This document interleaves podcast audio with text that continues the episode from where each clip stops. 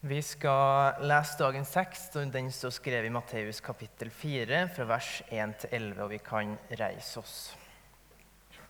Jesus ble så av ånden ført ut i ødemarken for å bli fristet av djevelen. Han fastet i 40 dager og 40 netter og ble til sist sulten. Da kom fristeren til ham og sa, Er du Guds sønn, så si at disse steinene skal bli til brød. Jesus svarte, det står skrevet, mennesket lever ikke av brød alene, men av hvert ord som kommer fra Guds munn. Da tok djevelen, djevelen ham med til den hellige byen, stilte ham ytterst på tempelmuren og sa, Er du Guds sønn, så kast deg ned herfra, for det står skrevet, han skal gi englene sine befaling om deg, og de skal bære deg på hendene, så du ikke støter foten mot noen stein. Men Jesus sa til ham, det står også skrevet, du skal ikke sette Herren din Gud på prøve. Så tok djevelen med seg opp på et meget høyt fjell og viste ham alle verdens riker og deres herlighet, og sa, Alt dette vil jeg gi deg dersom du faller ned og tilber meg. Da sa Jesus til ham, Bort fra meg, Satan, for det står skrevet, Herren din Gud skal du tilbe, og ham alene skal du tjene. Da forlot djevelen ham, og se, engler kom og tjente ham. Vær så god, sitt.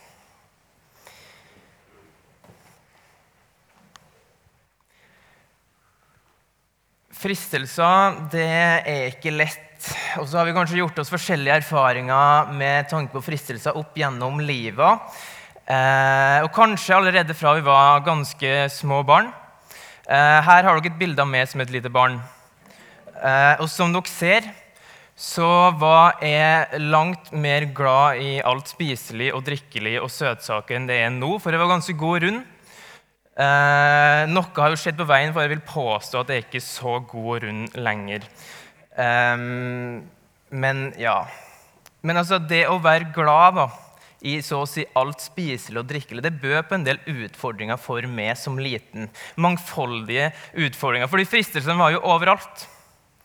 Sånn, kjøkkenskapet, matboden, matbordet holdt på å si, altså Det var jo de herligste matretter som jeg kunne finne og ta for meg. Og jeg har blitt eh, fortalt at det var ganske vanlig at mamma catcha meg med en sjokolade i hånda, eller sjokolade rundt munnen, eller en bolle i hånda, eller eh, sånn som her, med kulturmelk under bordet. Og det er klart, Når kulturmelk blir en fristelse, da, da blir livet hardt. Um, men så er det en del som har forandra seg, men kanskje er det ikke så mye som har forandra seg. Det som har forandra seg, er kanskje hva som frister, men det har ikke forandra seg at jeg blir frista. Og det tror jeg du òg kjenner det igjen i. At vi blir frista på ulike måter til å gjøre ting som vi ikke bør eller ikke skal gjøre. Det er noe vi kjenner på og erfarer i våre liv. Og så er det slik at Dagens tekst den lærer oss noe vesentlig tenker jeg, om hva vi erfarer i våre fristelser, i våre liv. Og så lærer det oss noe vesentlig om hvem Jesus er, og hva han betyr i våre liv, og da med tanke på de fristelsene vi møter. Så Det er to perspektiv som jeg kommer til å prøve å holde og følge utover i denne talen. Altså hva vi lærer om vår fristelse, og hva vi lærer om Jesus med tanke på hans fristelse, hva han betyr i våre liv. La oss be før vi fortsetter. Gode far, vi takker for at vi får lov til å samles til gudstjeneste. Jeg ber om at du, Jesus, taler ditt ord nå. La det her være dine ord takke, takker deg for at ditt ord er virkekraftig, og ber nå at du tar det inn til våre hjerter. Du kjenner oss, og du vet hva vi trenger, Jesus. Eh, la dette bli til oppbyggelse for den enkelte i ditt navn. Amen. La oss begynne å se litt og snakke litt om vår fristelse. For jeg tror det er viktig at vi erkjenner at vi står i en kamp. Vi må erkjenne det. Vi står i en kamp mot en fiende, og den fienden han ønsker å ødelegge for det. Han ønsker å rive ned. Han ønsker å dra det bort ifra Jesus. Og jeg tror det er kjempeviktig at vi faktisk våger å si det så tydelig. Vi har en kamp mot en fiende som ønsker det her. Vi må erkjenne det og vite om det. Og jeg tror ikke vi kan ta en Sverige her. Vi kan ikke ta en Sverige her, Man kan ikke si nei, men jeg står ikke i en kamp, jeg er nøytral. Bibelen forteller oss at du står, og jeg står, i en kamp. Om du vil, mot det onde mot det gode. Og du kan ikke ta en Sverige. Bibelen beskriver ikke det her verdensbildet på den måten, men det er en kamp. Og Hvis man går da inn i en slags militær kontekst, enhver en militær leder som skal lede noe ut i en kamp, han må ha en taktikk han må ha en plan. Han må kjenne sin egen tropps begrensninger og styrker. Og så må han kjenne fienden kanskje enda viktigere. Han må kjenne fienden, hvordan det fienden virker, hvordan det fienden tenker, for å kunne legge en faktisk god plan som funker. Og jeg tror det er noe som vi jo må tenke over. OK, i vår kamp, hva er det som er mine styrker, om du vil, mine svakheter? Men kanskje enda viktigere hvordan, at vi vet hvordan er det Satan virker, hvordan er det fienden tenker, vil angripe oss. Og vi kan si noe ut fra dagens tekst om hvordan Satan virker. Og kanskje òg har vi merka det i holdt på å si, våre liv, våre erfaringer, hvordan Satan virker.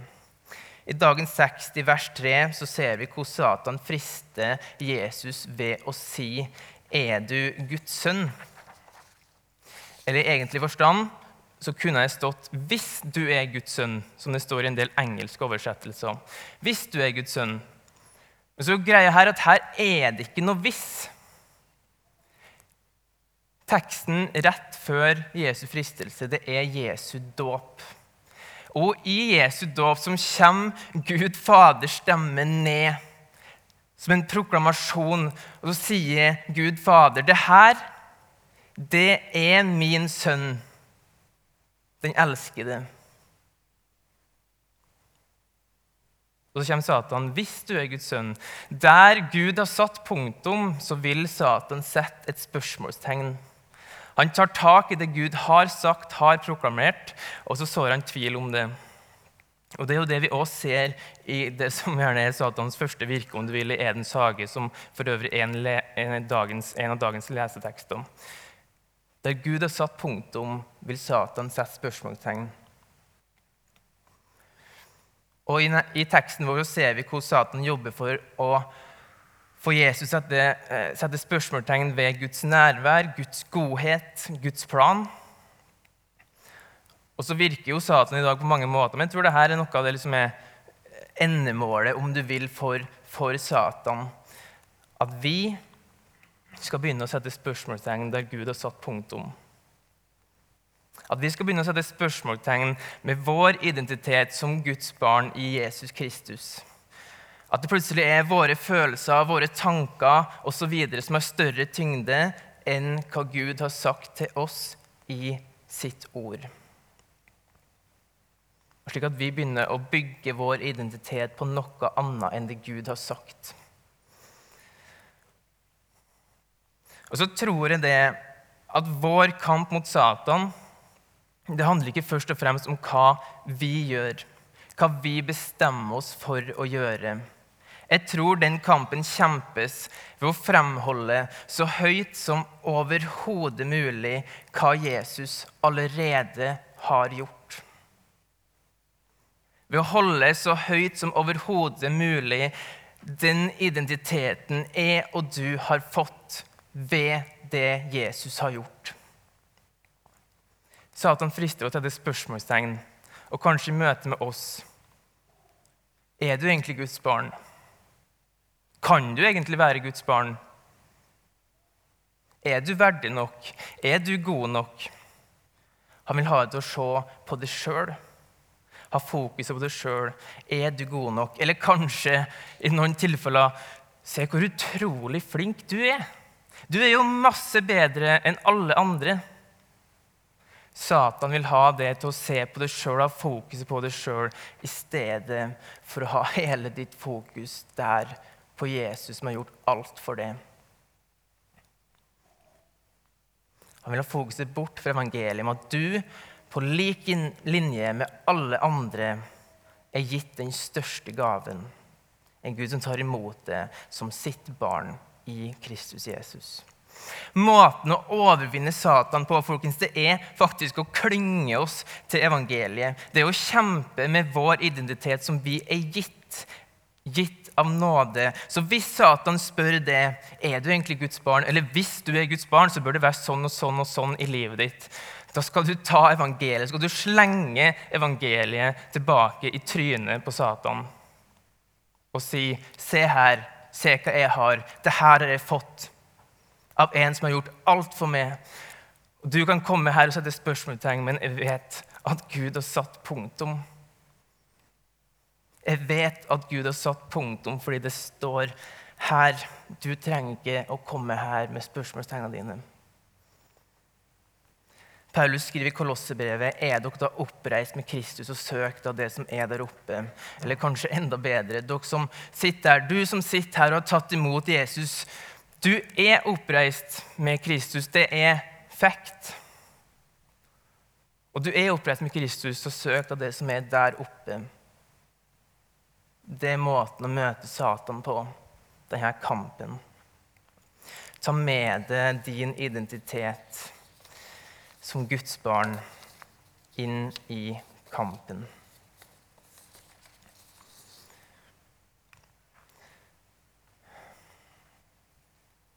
Men hva vi lærer om Jesus og hans fristelser i denne teksten? I januar vi har alle snakka litt om Jesu dåp, som kommer rett før Jesu fristelse. I januar så tar det om Jesu dåp, og der ser vi måte, Jesus viser oss hva gjerning han går inn i. Han går inn eh, i stedet for det, altså han går inn i en stedfortredende gjerning. Han stiller seg i rekka med syndere ved Jordanelva for å la seg døpe.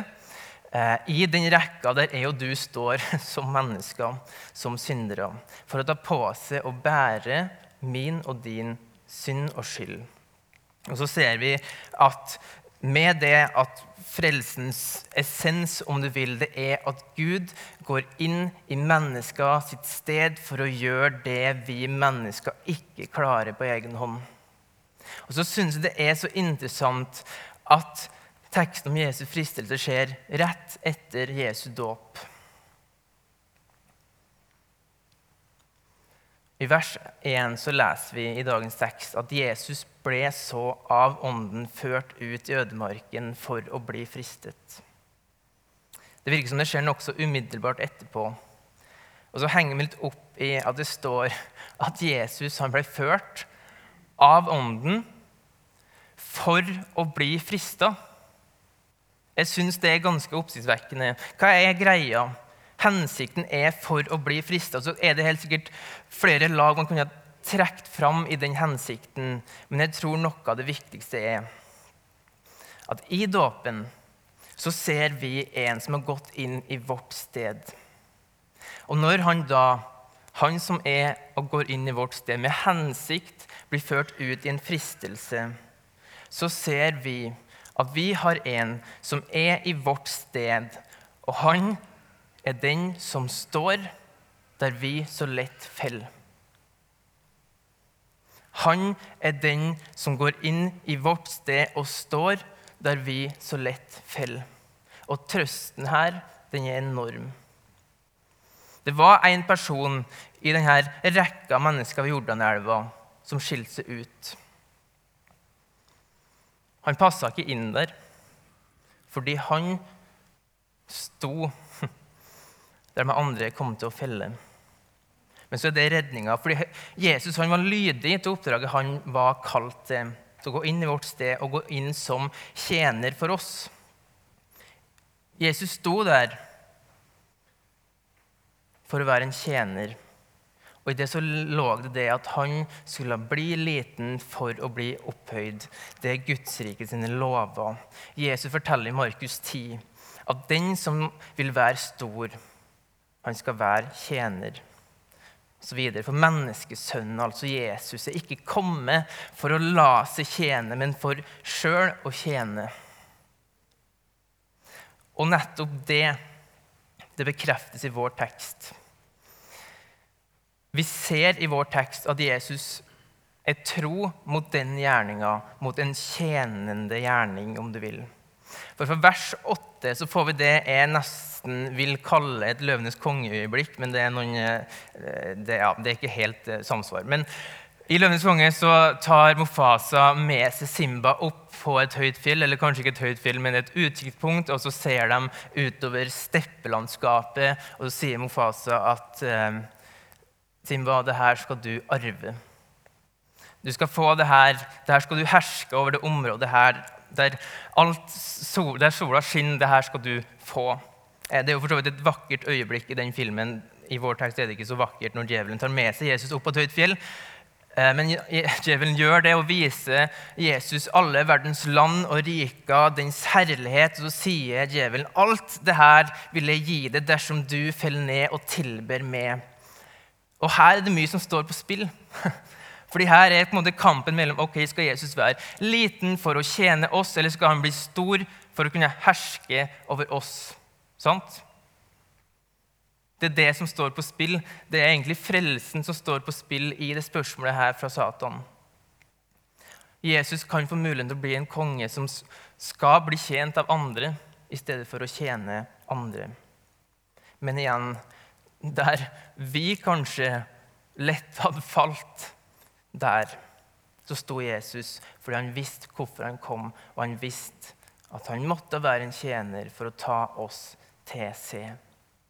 Så svarer han bort fra med Satan, for det står skrevet:" Herren din Gud skal du tilbe, og Han alene skal du tjene.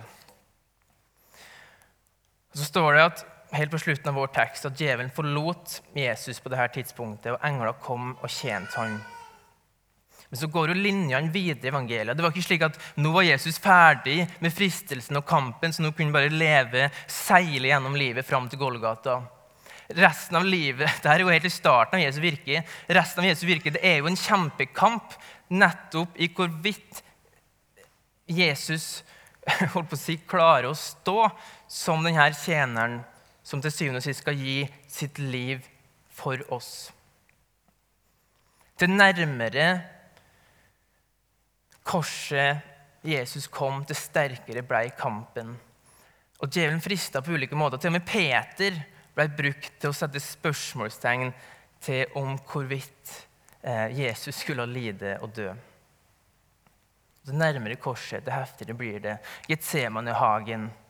Jesus som faller ned på kne med ansiktet mot jorda, svettedråper som blod, i en kamp om hvorvidt klarer å stå i denne tjenende gjerninga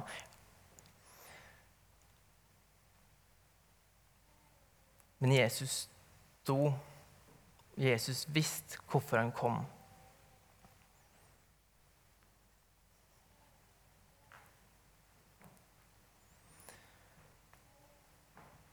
Jesu liv det var en kamp, en kamp om lydigheten. Men så skriver Paulus at Jesus han var lydig.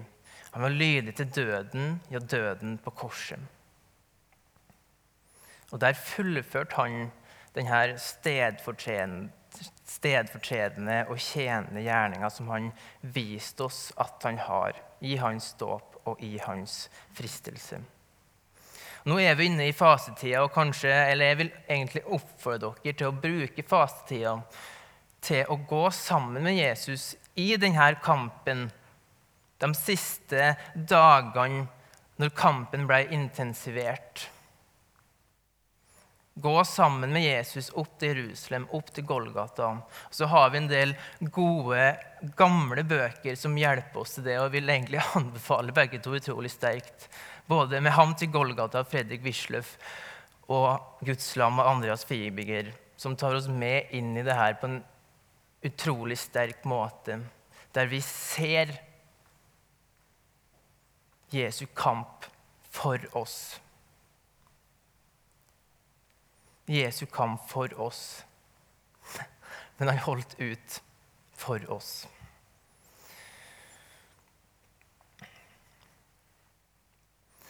Da djevelen tok med seg Jesus opp på dette fjellet, så kan man egentlig si kanskje at den fristelsen handler om det å bli stor i verdens øyne. Kanskje det vi i dag ville ha kalt selvrealisering eller karrierejakta eller et eller annet sånt der.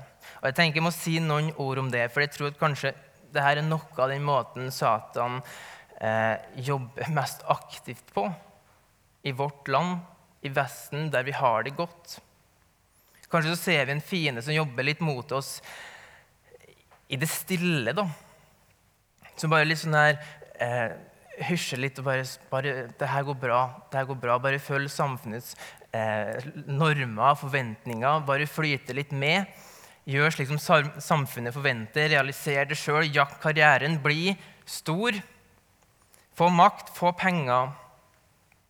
Og så kan det til syvende og sist potensielt bli en sakte prosess som fører oss bort fra Gud fordi fokuset endres. Fokuset blir på meg sjøl. Å leve til egen ære, jakte egen ære, bevare egen ære framfor å leve til Guds ære.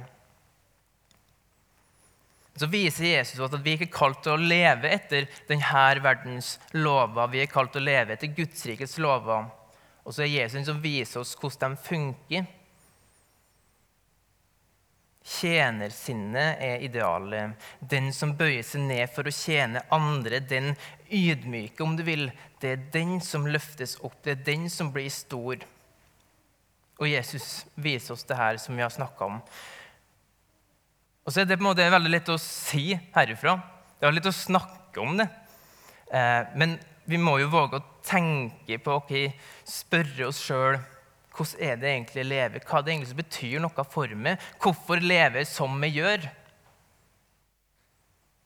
Jeg er egentlig en tjener som kan se bort fra mine behov, min stolthet, min ære for å løfte andre opp, for å tjene andre, sette mine preferanser, mine behov, bort for å gi andre rom til å, å bli imøtekommet med sine behov, sine preferanser. Hvordan er det jeg møter mennesker? Bruker jeg mennesker som et redskap til å gjøre meg sjøl stor? Møter mennesker overfra og ned for å bevare min egen ære? Har jeg en stolthet som egentlig bare ødelegger relasjoner? Eller har Jesus fått lært meg et tjenersinn som er villig til å legge det her bort, legge meg sjøl bort, egentlig, for å tjene andre? Jeg tror vi så lett havner der at vi utelukkende lever for å gi oss sjøl ære. Og så er sannheten at vi er satt fri fra den måten å tenke på og leve på. Luthersk teologi ble etter hvert systematisert i fem aleneord. Skriften alene, Jesus alene, nåden alene, troen alene. Til Guds ære alene. Så kan man spørre seg hva, okay, hva har det å si, eller er det noe viktig? Men det, det som er litt fint med de fem ordene, er at de fire første ordene, Skriften alene, Jesus alene, nåden alene, troen alene, den, de lærer oss det at frelsen de ligger totalt utafor oss sjøl.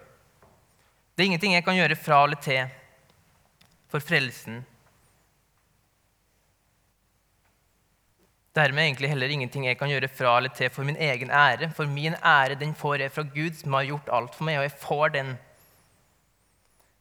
Og på den måten så settes jeg fri ved de fire aleneorda til det siste aleneordet. Til å leve til Guds ære alene, framfor at jeg må søke og bygge opp min egen ære.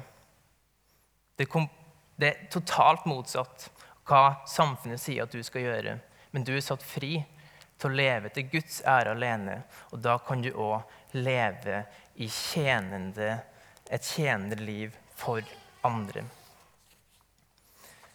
Og Fienden vil ha oss til å bygge vår egen ære, og han vil friste oss med det fordi det setter fokuset på det sjøl i stedet for han. Og så ødelegger det relasjonene, og så er vi satt fri ifra det.